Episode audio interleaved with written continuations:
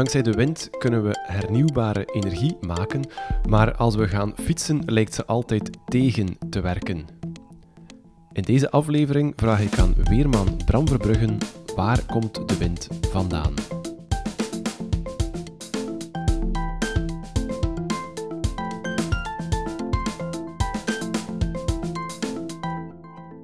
Dag Bram. Dag Kim. Ik begin met een, eerder met misschien een persoonlijke vraag. We zijn allebei fietsers en ik hoor ook van mijn uh, collega, van mijn vrienden fietsers. Uh, ik vertel hen, ik maak een podcast over de wind en hun belangrijkste vraag is eigenlijk: waarom is er altijd tegenwind? Waarom lijkt het alsof de wind altijd in de tegenstelde richting staat? Ja, ja dat is inderdaad iets wat, wat echt wel leeft onder fietsers. Hè. Dat is natuurlijk ook belangrijk, die, die wind mee of wind, uh, wind af. Um, dat is vooral een indruk, denk ik. Um, de wind die waait op, op één dag natuurlijk altijd uit, een, uit één richting. Dus als je de wind uh, tegen hebt, dan heb je die ook mee wanneer je 180 graden draait. Dus dat is echt wel, echt wel een indruk, denk ik, die vooral fietsers dan, dan hebben. Maar uh, dus nee, je hebt niet altijd tegenwind, dat klopt niet. Waarom voelen we de wind eigenlijk? De wind is onzichtbaar, maar toch voelen we de kracht van die wind. Waar komt die vandaan? Ja, dat klopt. Hè. Uh, wat is wind eigenlijk? Wind is eigenlijk lucht die in verplaatsing is. Nu, de lucht rondom ons, die, voel, die voert eigenlijk een bepaalde druk uit op onze huid. En die druk is eigenlijk gelijk aan um, de tegendruk die ons lichaam ook op onze huid uitoefent. Dus bij windstille condities, echt 0,0 wind, dan voelen we gewoon niks. Want dan is er een evenwicht tussen de druk van de lucht op onze huid en uh, de druk die ons lichaam uitoefent van binnenuit. Maar wanneer wind ontstaat, hè, wanneer lucht zich in beweging gaat zetten en er dus wind ontstaat, in dat geval wordt lucht tegen onze huid geduwd. En concreet zijn het dus de moleculen die in de lucht hangen, die tegen onze huid botsen en een iets grotere druk gaan uitoefenen dan normaal. En dan ervaren we dus wind. Ja. Hoe ontstaat die wind eigenlijk? Waar, waar komt die wind vandaan? Ja, het ontstaan van wind, dat is wel een, uh, een heel verhaal. Daar um, ga ik toch wel een minuutje of twee voor nodig hebben. Het is een, uh, een verhaal van uh, thermodynamica. Thermodynamica, dat is eigenlijk de fysica die, die draait rond thermo. Thermo wil zeggen temperatuur. En dus dynamica, hoe temperatuur eigenlijk dingen in beweging gaat zetten. Het begint eigenlijk allemaal bij de zon. Zoals we allemaal weten, verwarmt de, de zon onze aarde. En dat gebeurt eigenlijk op een verschillende manier. Bijvoorbeeld um, de, de evenaar, het evenaarsgebied, wordt op een andere manier uh, verwarmd dan bijvoorbeeld de Noordpool. En daardoor ontstaan er temperatuurverschillen. Uit temperatuurverschillen ontstaan er dan weer al drukverschillen. Warme lucht bijvoorbeeld aan de evenaar, die gaat omhoog stijgen. Denk maar aan een warme luchtballon, die stijgt omhoog omdat die lucht warmer is. Als lucht stijgt, dan gaat lucht dus verdwijnen aan de grond en dan krijg je daar lage luchtdruk. Dus aan de evenaar krijg je vooral lage luchtdruk. Koude lucht daarentegen is zwaarder. Denk maar aan de koudere lucht op de polen. En zwaardere lucht die gaat naar beneden gaan. En daar krijg je dan te veel aan lucht. En op die manier een hoge luchtdruk. Nu, door die drukverschillen gaat er een kracht ontstaan. En die kracht heet de drukgradiëntkracht. En de drukgradiëntkracht die zorgt ervoor dat lucht gaat beginnen bewegen. Lucht stroomt altijd van hoge druk naar lage druk. Dus van daar waar er lucht te veel is, hoge druk, naar daar waar er lucht te weinig is, lage druk. Dus in theorie zou de wind altijd van de Noordpool naar de evenaar moeten gaan. Aan de Noordpool hoge druk, aan de evenaar lage druk. In de praktijk speelt er eigenlijk nog een kracht mee. Um, dus dat verklaart waarom lucht niet altijd gewoon van, van, de, van de pool naar de evenaar gaat. Maar er speelt ook nog een kracht mee en die heet de Corioliskracht. De Corioliskracht is een kracht als reactie op het feit dat onze aarde ronddraait. En die kracht die gaat ervoor zorgen dat alles wat op aarde stroomt, gaat afbuigen. Dat is trouwens ook de kracht die ervoor zorgt dat de draaikolk in het toilet anders ronddraait op het noordelijk halfrond in vergelijking met het zuidelijk halfrond. Dus die kracht, die Corioliskracht, die gaat inspelen op alles wat stroomt, op de, de waterstromen bijvoorbeeld op aarde, maar dus ook op de luchtstromen. En in de noordelijke halfrond zal er een buiging zijn naar rechts. Dus lucht stroomt niet alleen van hoog naar laag, maar ook naar rechts. Dus drukgradiëntkracht zorgt voor hoog naar laag en Coriolis zorgt voor die afbuiging naar rechts. Dan is er nog een laatste kracht die meespeelt bij het ontstaan van wind, en dat is de wrijvingskracht. Een wrijvingskracht die zorgt voor een remming. Uh, die ontstaat door de ruwheid van, van ons aardoppervlak. Um, en die zorgt dan ook uiteindelijk niet alleen voor een, een lagere windsnelheid, maar ook voor toch nog een, een, extra afbuiging van de stroming. Nu, hoe ruwer het terrein, hoe meer wrijving er zal zijn. En dat verklaart meteen ook waarom het boven zee altijd harder zal waaien dan uh, bijvoorbeeld uh, in het binnenland, omdat de wind boven de zee meer vrij spel krijgt door het gladdere wateroppervlak. Dus er zijn drie krachten die eigenlijk wind gaan creëren en gaan bepalen. Dat is de drukgradiëntkracht, dat is de wrijvingskracht en de Corioliskracht. Kan je situeren waar ontstaat die wind? Is het iets wat op wereldschaal zich afspeelt? Ik, ik hoorde je vertellen, de Polen, de Evenaar. De wind die hier waait, waar komt die vandaan? Of, of is die onder invloed van, van die wereldfenomenen? Ja, ja zeker wel. Hè. Dus um, als je spreekt over wind, moet je eigenlijk volledig in 3D gaan kijken. Um, dus die temperatuurverschillen, die drukverschillen, die heersen eigenlijk op verschillende niveaus in onze atmosfeer. Op hogere niveaus, bijvoorbeeld de straalstroom. Dat is een bekende, een bekende wind. Dat is een wind die ongeveer op 10 kilometer hoogte hangt. En die gaat op grote schaal windpatronen creëren uh, op aarde en ook ons weer gaan sturen. Maar ook op lagere niveaus heb je natuurlijk winden. Bijvoorbeeld de wind op een hoogte van ongeveer een, een vijftal kilometer. Die gaat luchtmassa's doen verplaatsen op aarde. En de wind op de grond, dat is dan de wind die wij voelen, die gaat dan ook een invloed hebben op ons dagelijks leven. En, en, en ja, als we het hier hebben over wind, dan denken de meeste mensen aan, die, aan de wind op, uh, op een lager niveau, dus op het niveau waar dat wij leven. Ja. Als we het over de wind hebben, of als weermannen, weervrouwen het over de wind hebben, spreken ze altijd over een bepaalde sterkte en een bepaalde windrichting. Uh, hoe uh, ontstaan die beide? Van, van waar komt de wind? Wat bepaalt dat? En, en een tweede vraag misschien, hoe, hoe wat bepaalt de sterkte van de wind? Ja, wel, ik zal eerst misschien beginnen met de, met de windsterkte. Wel, die sterkte is eigenlijk functie van de drukverschillen. Dus hoe groter het uh, drukverschil, hoe groter die drukgradiëntkracht waar ik daar net van sprak, en hoe harder het dan ook gaat waaien. En je kan dat bijvoorbeeld zien aan de isobaren op een weerkaart. Mensen kennen dat wel van, van in het weerbericht. Wel, isobaren zijn de lijnen van gelijke druk. En hoe dichter die tegen elkaar liggen, hoe groter het drukverschil dus zal zijn, hoe groter die drukgradiëntkracht zal zijn en dus hoe sterker het zal waaien. Ook de ruwheid van het uh, terrein speelt mee bij die windsterkte. Zoals ik al zei, een glad zeeoppervlak zorgt voor minder remming dan bijvoorbeeld een bosrijk gebied. Dus boven zee ga je meestal meer wind hebben dan uh, in een bos. Ja, en dan zijn er nog wel een aantal lokale effecten uh, wat de windsterkte dan betreft. Bijvoorbeeld funneling in steden. Uh, je kent dat wel, hè? bijvoorbeeld als je aan het wandelen bent in een stad en je draait een hoek om, ineens is er om de hoek veel meer wind dan in de straat waar je daarvoor was. Wel, dat heeft te maken met funneling. Hè. Door inplanting van gebouwen kan de wind in sommige gevallen door trechters geduwd worden, kan dan ook versnellen in een straat bijvoorbeeld en zal lokaal voor een, een grotere windkracht zorgen, meer, meer wind. Als je het dan hebt over uh, de richting van de wind. Uh, van waar komt de wind nu en hoe komt dat dat verandert? Wel, dat heeft echt te maken met hoe die hoge en lage drukgebieden precies gepositioneerd zijn.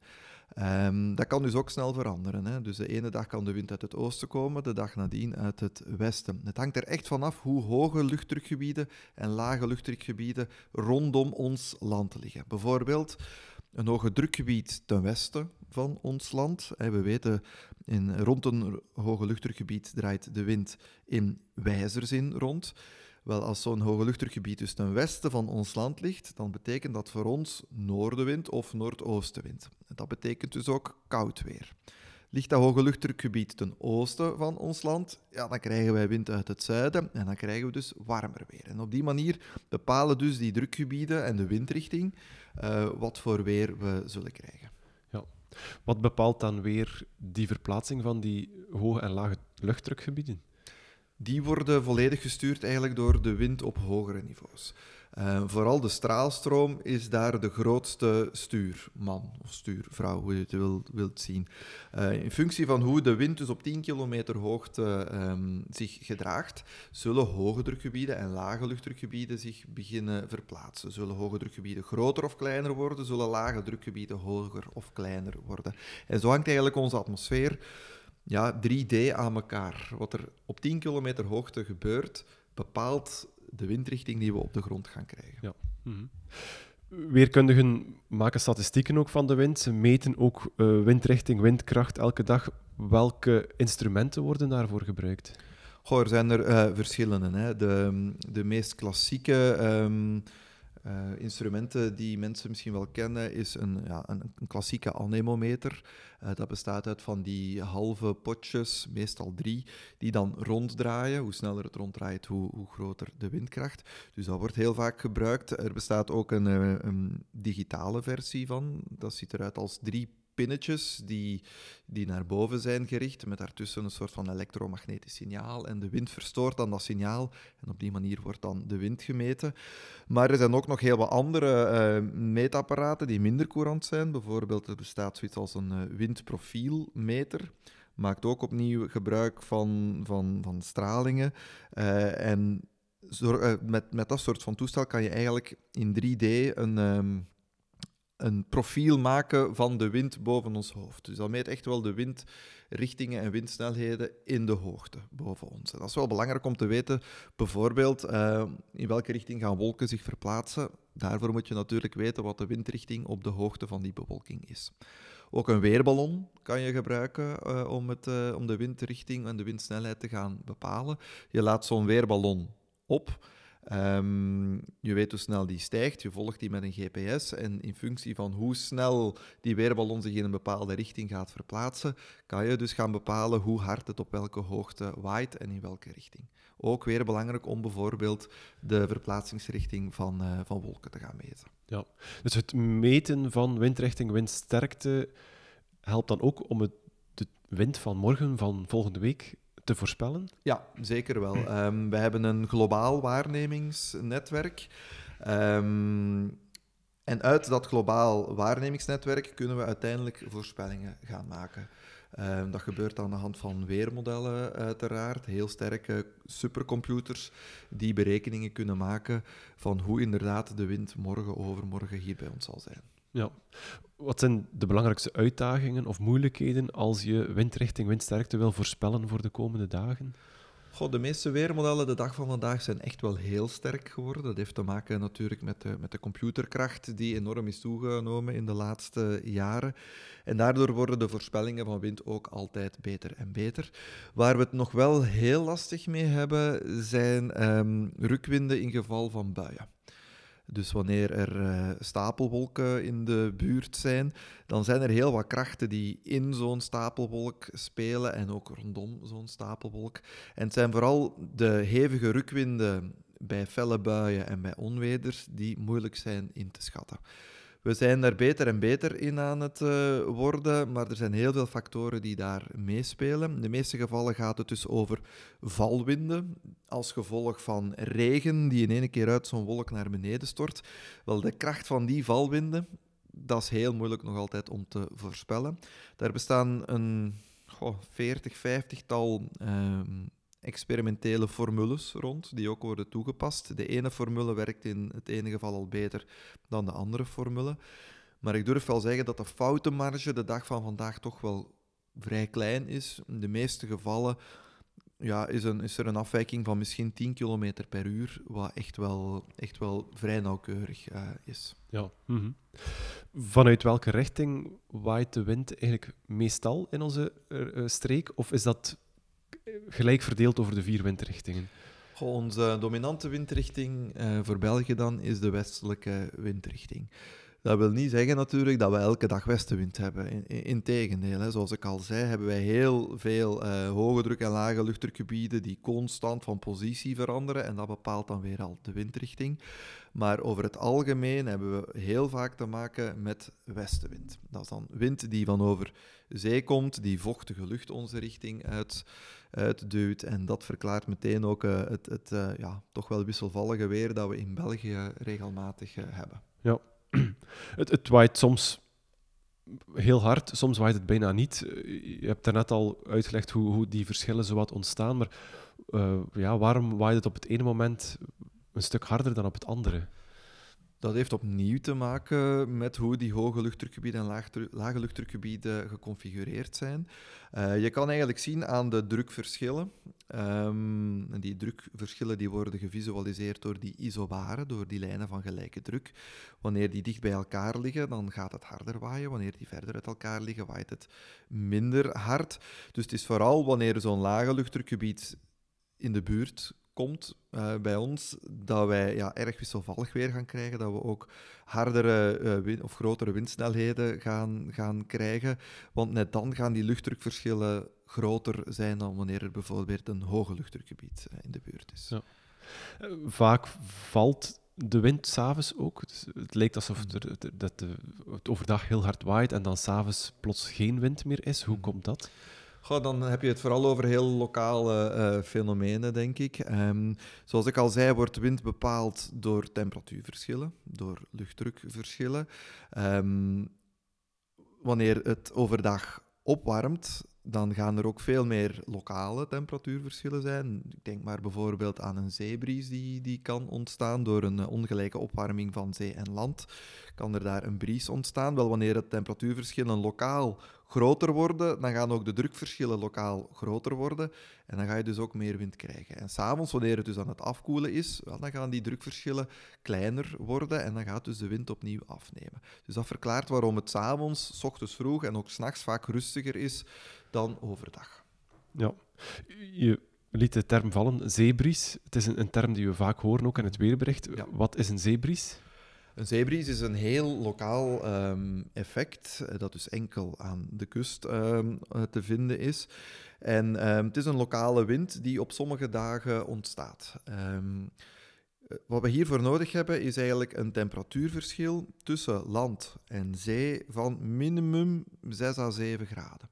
Dus vanaf, dat vanaf het temperatuurverschil tussen land en zee die grote orde krijgt, 6 à 7 graden, dan krijg je dus een uh, lokaal effect waarbij er uh, lage luchtdruk zal zijn boven land, hoge luchtdruk zal zijn boven zee. En natuurlijk gaat het van hoog naar laag de wind, dus dan krijg je die wind die van over zee landinwaarts zal uh, waaien. S'nachts krijg je het omgekeerde. Dan zal het land sneller afkoelen dan de zee zal afkoelen en dan krijg je net een landbries. Dus dan gaat heel dat systeem in de omgekeerde richting. Ja. Heb je die vooral in de zomer dan? Ja, je hebt die vooral uh, in de zomer, wanneer het uh, zeewater relatief koel is, laat ons zeggen, ten opzichte van het land. In, in de zomer zal ook het land veel sterker opwarmen dan de zee. En dan krijg je dus veel sneller dat temperatuurverschil van 6, 7 graden. En dus ook sneller die, die zeebries. En weer al daar speelt hetzelfde... Um, hetzelfde effect. Hoe groter het temperatuurverschil is tussen land en zee, hoe sterker die wind zal zijn. Dus op een dag met uh, eh, 30 graden Um, in het binnenland zal je veel sterkere zeebries krijgen dan een dag met uh, eh, 15 graden bijvoorbeeld. Ja. Die zeebries is dus een typisch zomersfenomeen. Uh, we hebben ook vaak de indruk dat het bijvoorbeeld in de herfst of in de lente veel meer waait dan in de winter en de zomer. Mhm. Klopt dat gevoel? Um, dat heeft dan te maken met het feit dat er veel meer lage luchtdrukgebieden uh, onze richting uitkomen in de herfst en in de winter.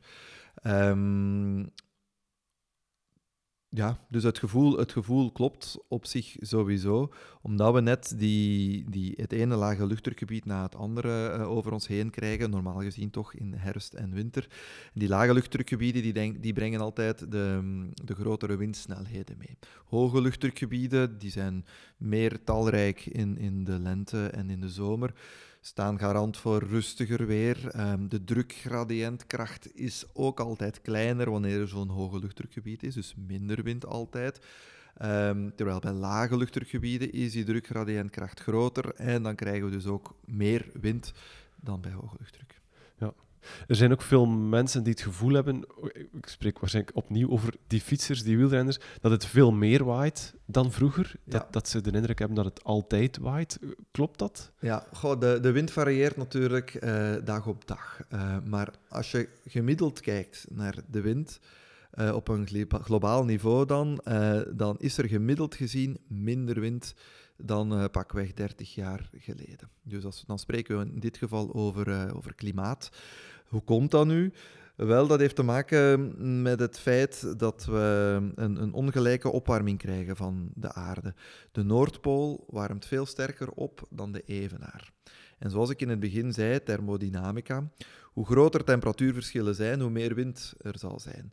Nu, doordat de pool warmer wordt of sneller opwarmt dan de, dan de evenaar, zal dus het temperatuurverschil tussen pool en evenaar minder groot worden. En dat verklaart meteen ook waarom er de drukverschillen tussen pool en evenaar minder groot zullen zijn.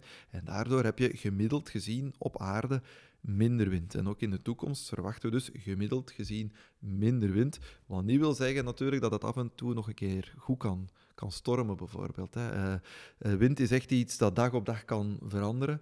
Ehm, voor de fietsers, ik raad u aan om s ochtends vroeg te gaan fietsen, dan is er meestal minder wind, of s'avonds laat, dan is er meestal minder wind. Die klimaatverandering zorgt er dus voor dat, de, dat het minder waait eigenlijk. Als die klimaatverandering zich doorzet en het waait alsmaar minder en minder en minder, welke impact kan dat hebben op ons, op ons weer? Wel, als je spreekt over, over hoe het, het weer ons kan beïnvloeden, dan moeten we denken aan wat ons weer stuurt. En dat is de straalstroom, hè, die rivier van lucht op, eh, op 10 kilometer hoogte. Door het ehm, kleinere temperatuurcontrast in de toekomst tussen pool en evenaar, zal die straalstroom meer en meer beginnen, ja, laat ons zeggen, zwabberen. Ehm, die gaat meer en meer bochten beginnen maken.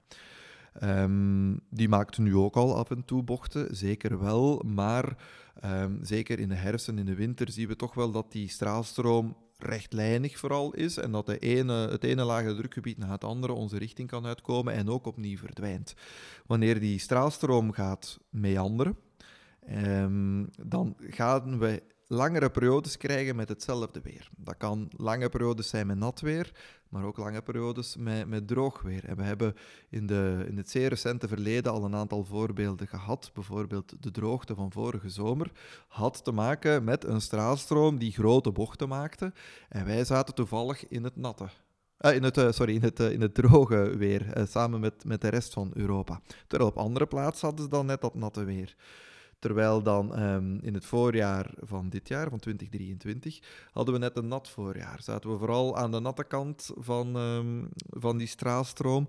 Terwijl andere gebieden, bijvoorbeeld Zuid-Europa, zaten net aan de, aan de droge kant. En in, eh, in Spanje kregen we de ene hittegolf na de, na de andere. Dus ja, de klimaatverstoring zal ervoor zorgen dat ons weer ehm, minder gevarieerd zal zijn. En we gaan langere periodes krijgen van altijd hetzelfde weer. Maakt dat voorspellingen ergens makkelijker op langere termijn, omdat je weet dat het stabieler zal zijn dan, dan vroeger?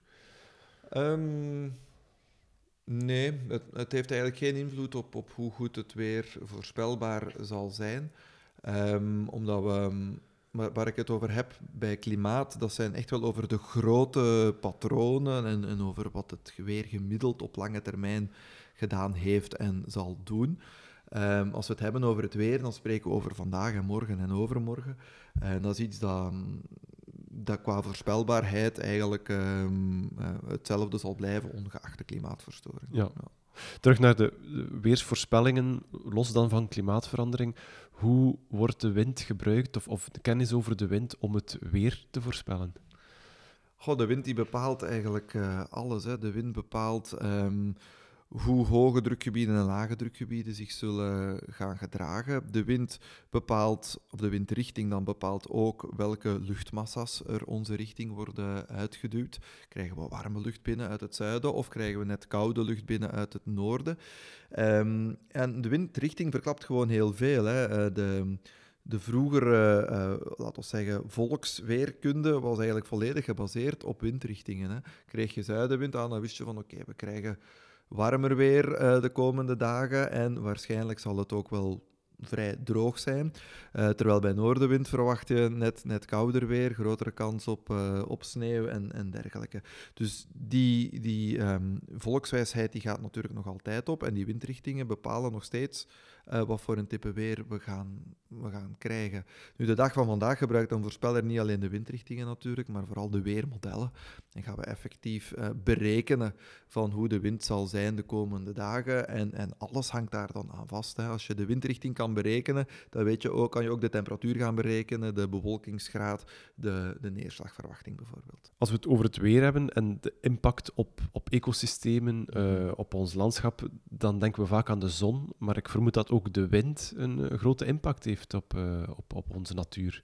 Ja, zeker weten. De, de heersende winden op aarde, die, die uh, definiëren eigenlijk uh, het heersende klimaat in een bepaald gebied op aarde. Hè. En dus bij gevolg ook het ecosysteem dat, dat daar actief is. Hè. Dus de vegetatie en, en, de dieren die, die daar kunnen leven.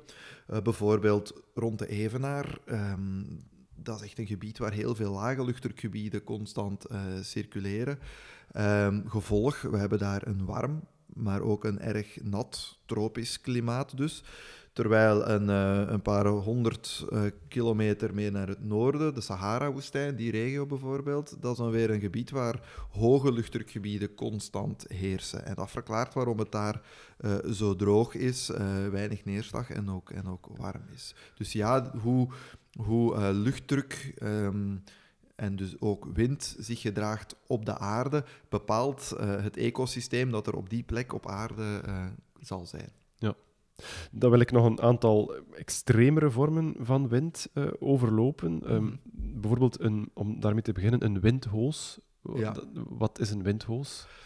Een windhoos is iets kleinschalig eigenlijk. Uh, we kennen bijvoorbeeld allemaal tornado's. Hè, dat is een voorbeeld van een windhoos.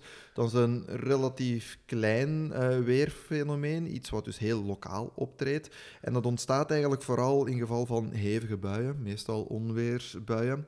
Um, en is eigenlijk een gevolg van opwaartse en neerwaartse krachten die in zo'n onweerswolk heersen. Wanneer dat de, de windrichting snel verandert met de hoogte, dan gaat er een rotatie plaatsvinden um, in en rond die wolk. En dan krijg je een soort van, van um, draaiing en dus een soort van draaikolk. En dat heet dan een windhoos of een tornado.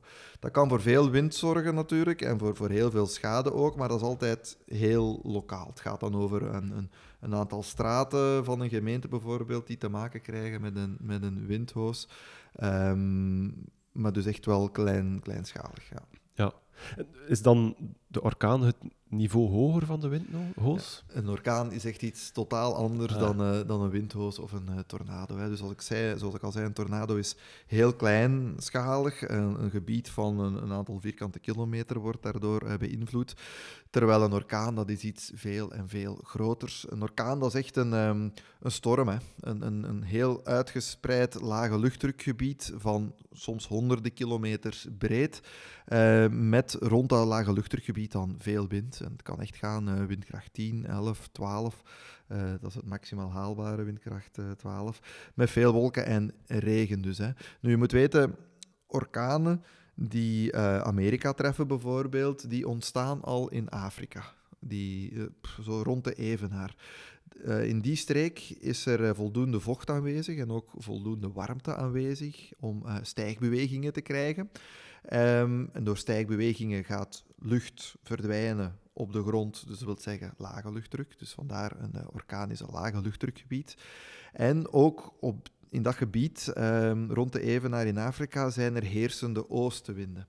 Dus die lage luchtdrukgebieden die worden naar het westen geduwd over de Atlantische Oceaan, pikken daar nog meer energie en, en vocht op om nog te kunnen uitgroeien. En die komen dan aan, uh, aan land uh, boven de Verenigde Staten.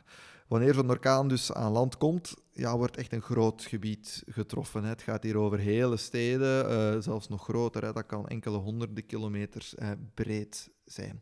In feite is zo'n orkaan eigenlijk een tropische storm. We noemen het ook wel een tropische cycloon. Er bestaan nog verschillende namen voor. In de VS bijvoorbeeld heet het een orkaan. Ehm, een tropische cycloon die dan boven de grote oceaan ontstaat en die dus meer naar Azië trekt, dat noemen we dan een tyfoon. Dus in het Japans uh, heet eigenlijk een orkaan een uh, tyfoon. Maar eigenlijk gaat het over hetzelfde. Het is een lage luchtdrukgebied met stormweer dat een, groot, een, groot, uh, een grote oppervlakte zal beïnvloeden. Ja. Het, is het een puur uh, tropisch fenomeen of kunnen we hier ook een orkaan meemaken? Het is echt een puur tropisch fenomeen. Um, dat ontstaat altijd ergens rond de evenaar waar er voldoende vocht en voldoende warmte aanwezig is. Dan wordt het wel een richting uitgeduwd en de orkanen die richting uh, de VS gaan, die ontstaan dus in Afrika, worden naar het westen geduwd, naar uh, Amerika. Nu, wat er wel gebeurt, is dat soms die, die lage luchtdrukgebieden ook onze richting worden, worden uitgeduwd. Dus die gaan eerst boven Amerika en dan komen die in een westelijke wind terecht en worden die richting Europa geduwd. Maar wanneer ze dan onze streken bereiken, dan zijn ze meestal verzwakt. Waarom? Omdat de temperatuurfactor um, boven de Atlantische Oceaan in de meer noordelijke gebieden ja, afwezig is. Dus ze gaan niet meer kunnen versterken, integendeel, ze gaan verzwakken. En die kunnen ook Europa nog bereiken onder de vorm van een, een kleinere storm. Maar echt orkaansnelheden, windsnelheden kunnen bij ons niet, omdat de temperatuurfactor van het, uh, van het zeewater uh, afwezig is. Ja. We, we, kennen hier wel af en toe stormen uh, mm -hmm. en die krijgen dan allerlei namen. Ja. hoe komen stormen aan die namen? Goh, er is eigenlijk een, een regelgeving daar rond gemaakt. Het zit een beetje raar in elkaar hoor. Um, België zit bij de groep van Frankrijk, uh, Spanje en, en, Portugal, terwijl er ook een andere groep is uh, waarin Groot-Brittannië zit samen met Nederland en Denemarken. En de regel is eigenlijk een beetje het, het land dat als eerste code uh, oranje afkondigt voor stormweer, die mag de naam bepalen. Ah. En dus de twee, de twee uh, groepen waar ik daar net van sprak, die hebben elk jaar een namenlijst, een alfabetische namenlijst. En die namenlijst wordt dan gevolgd. Nu, um, jammer genoeg mogen wij dus als Belgeland ja, zelden of nooit uh, een naam, een naam uh, kiezen, want wij horen dus om te beginnen bij Frankrijk, uh, bij Portugal en bij Spanje. En er wordt dus een namenlijst gemaakt met die landen. En als er dus een van die landen als eerste een code oranje afkondigt voor storm, dan wordt die namenlijst gevolgd. Maar in 2022 hebben we wel de naam Armand op de, op de lijst gekregen en die naam is ook effectief gebruikt. Gelukkig is Armand ja, begon die letter met de letter uh, A, verwijzing naar Armand Pien natuurlijk in dit geval. Hè.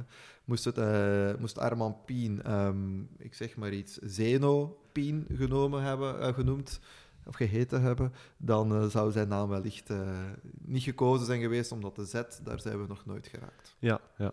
maar het is dus wel zo dat elk jaar groep van weerkundigen samenkomt om een lijst van namen uh, te ja. gaan uh, bepalen. Ja, ja, klopt. En het feit dat we een naam aangeven is puur voor communicatie, doeleinden. En soms is het een beetje verwarrend, want dan het kan zijn dat er een discussie is tussen die noordelijkere landen en de zuidelijkere landen. En de ene had al een naam gekozen en de andere geeft toch nog een andere naam.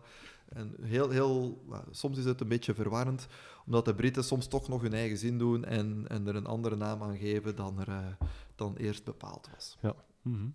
Ik heb wel heel veel interessante zaken gehoord. Ik wil het ook nog heel even hebben over, over luchtvervuiling, want ook mm. daar uh, heeft wind wel een uh, impact. Um, ja, op welke manier bepaalt wind de, de luchtvervuiling? Ja, wind is dus essentieel om, om luchtvervuiling eigenlijk uh, op te lossen. Um, je mag dat letterlijk nemen, dus om, op om het op te lossen in, in de rest van de atmosfeer. Uh, wind zorgt namelijk voor menging in de atmosfeer. Dus bij weinig of geen wind gaat luchtvervuiling lange tijd uh, kunnen blijven hangen. En we merken dat af en toe wanneer een hoge luchtdrukgebied dagenlang boven onze streken hangt en er dagenlang um, weinig of geen wind is, ja, dan gaat de, de, luchtkwaliteit toch wel drastisch naar beneden. Uh, en dan kunnen we op termijn zoiets krijgen als een, een ozonalarm of een smogalarm bijvoorbeeld, waarbij er dus ja, ongezond veel vervuiling blijft hangen. Um, dus vooral bij meerdere dagen met kalm weer krijgen we in ons land um, en bij uitbreiding in Europa dat probleem. Veel fijn stof um, op warme dagen bijvoorbeeld kan dan voor ozon zorgen. Wat hebben we dus nodig? Dat is wind. Hè. Ehm, hoe wordt die, die luchtvervuiling teniet gedaan? Ofwel door regen die uit de lucht valt, ofwel door de wind die, die zal oppikken. Dus ehm, ja, we hebben die wind zeker uh, nodig om de, de luchtkwaliteit uh, te doen verbeteren. Ja. Kunnen we van de wind een bondgenoot maken om bijvoorbeeld luchtvervuiling in te verminderen? Door de wind te sturen misschien? Um, dat lijkt mij wel een, een, een moeilijkere. Uh, een. Um, wind maken uh, zou je theoretisch kunnen door ergens op een of andere manier temperatuurverschillen te gaan uh, creëren. En dan krijg je sowieso verplaatsing van lucht. Maar om voldoende wind te hebben om effectief de, de lucht proper te krijgen, dan heb je toch echt wel ja, een, een, een drie, vier Beaufort nodig om een goede menging te krijgen in, in de atmosfeer. En dat lijkt mij moeilijk om dat op een iets of wat kunstmatige manier te gaan, te gaan creëren. Ja. Mm -hmm. Tot slot wil ik nog eens terug uh, gaan naar die uh, fietsers van het begin, die altijd tegenwind uh, voelen. Ehm, heb je voor hen een tip om zich misschien iets minder te ergeren aan die wind? Goh, um, wat ik altijd doe, is ik zoek de windrichting op en ik, ik stipel altijd een parcours uit om tegenwind te vertrekken. Dan heb je de wind mee terug. Uh, wat kan je doen? Vooral, vooral s ochtends vroeg um, gaan fietsen, denk ik, en u in een goed wiel zetten. Ja. Uh, heel hard bedankt voor dit zeer interessante gesprek. Dank u wel. Graag gedaan. Ook jullie luisteraars, bedankt voor het luisteren. Vond je deze podcast over de wind interessant? Beluister dan zeker ook de andere, kortere podcasts van Weerman Bram Verbruggen die je terugvindt in onze lijst. Daarnaast vind je ook nog heel wat andere interessante onderwerpen in deze podcast. Genre, wat zit er in ons kraanwater? Hoeveel geschiedenis zit verborgen in DNA? Waar komt kanker het meeste voor en waarom bestuderen wetenschappers fruitvliegen om ons lichaam beter te begrijpen? Je vindt al deze afleveringen intussen 100 terug in onze podcastlijst en je kan je ook via de website www.eoswetenschap.eu abonneren op onze gratis nieuwsbrief en dan blijf je op de hoogte van toekomstige nieuwe afleveringen van deze podcast. Tot een volgende aflevering. Dag.